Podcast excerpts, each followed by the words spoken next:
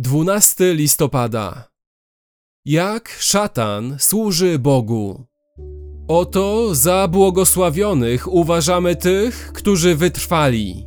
Słyszeliście o cierpliwości Hioba i widzieliście koniec przygotowany przez Pana, że Pan jest pełen litości i miłosierdzia. List Jakuba 5:11 za każdą chorobą i upośledzeniem stoi ostatecznie Boża wola.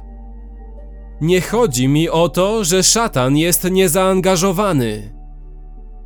Prawdopodobnie zawsze jest w taki czy inny sposób zaangażowany w destrukcyjnych celach. Dzieje apostolskie 10:38. Lecz jego moc nie jest decydująca nie może działać bez Bożego pozwolenia. Jest to jednym z motywów choroby Hioba. Tekst Biblii jasno pokazuje, że gdy choroba przyszła na Hioba, szatan dotknął Hioba bolesnymi wrzodami. Hioba 2:7. Jego żona namawiała go, aby złorzeczył Bogu.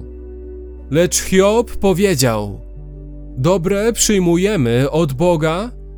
Czy nie mielibyśmy przyjmować i złego? Hioba 2:10. I znowu natchniony autor tej księgi, podobnie jak w pierwszym rozdziale 22 wersecie, pochwala Hioba, mówiąc: W tym wszystkim Hiob nie zgrzeszył swymi ustami. Innymi słowy, to jest prawidłowe spojrzenie na Bożą suwerenność nad szatanem.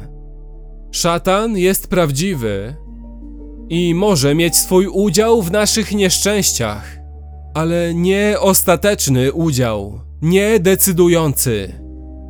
Jakub jasno pokazuje, że Bóg miał dobry zamiar we wszystkich nieszczęściach Hioba. Słyszeliście o cierpliwości Hioba i widzieliście koniec przygotowany przez Pana, że Pan jest pełen litości i miłosierdzia. Jakuba 5:11.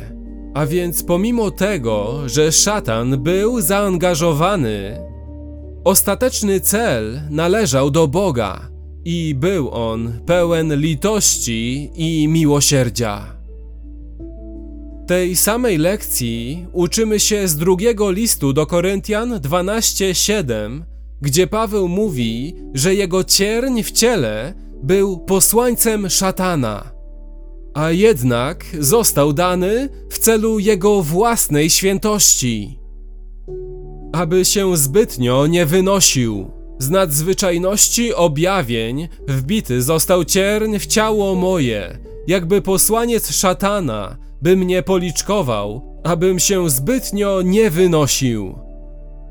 Celem szatana w tym nieszczęściu nie była pokora. Dlatego cel należy do Boga. Co oznacza, że szatan został tutaj użyty przez Boga, aby osiągnąć jego dobre cele w życiu Pawła.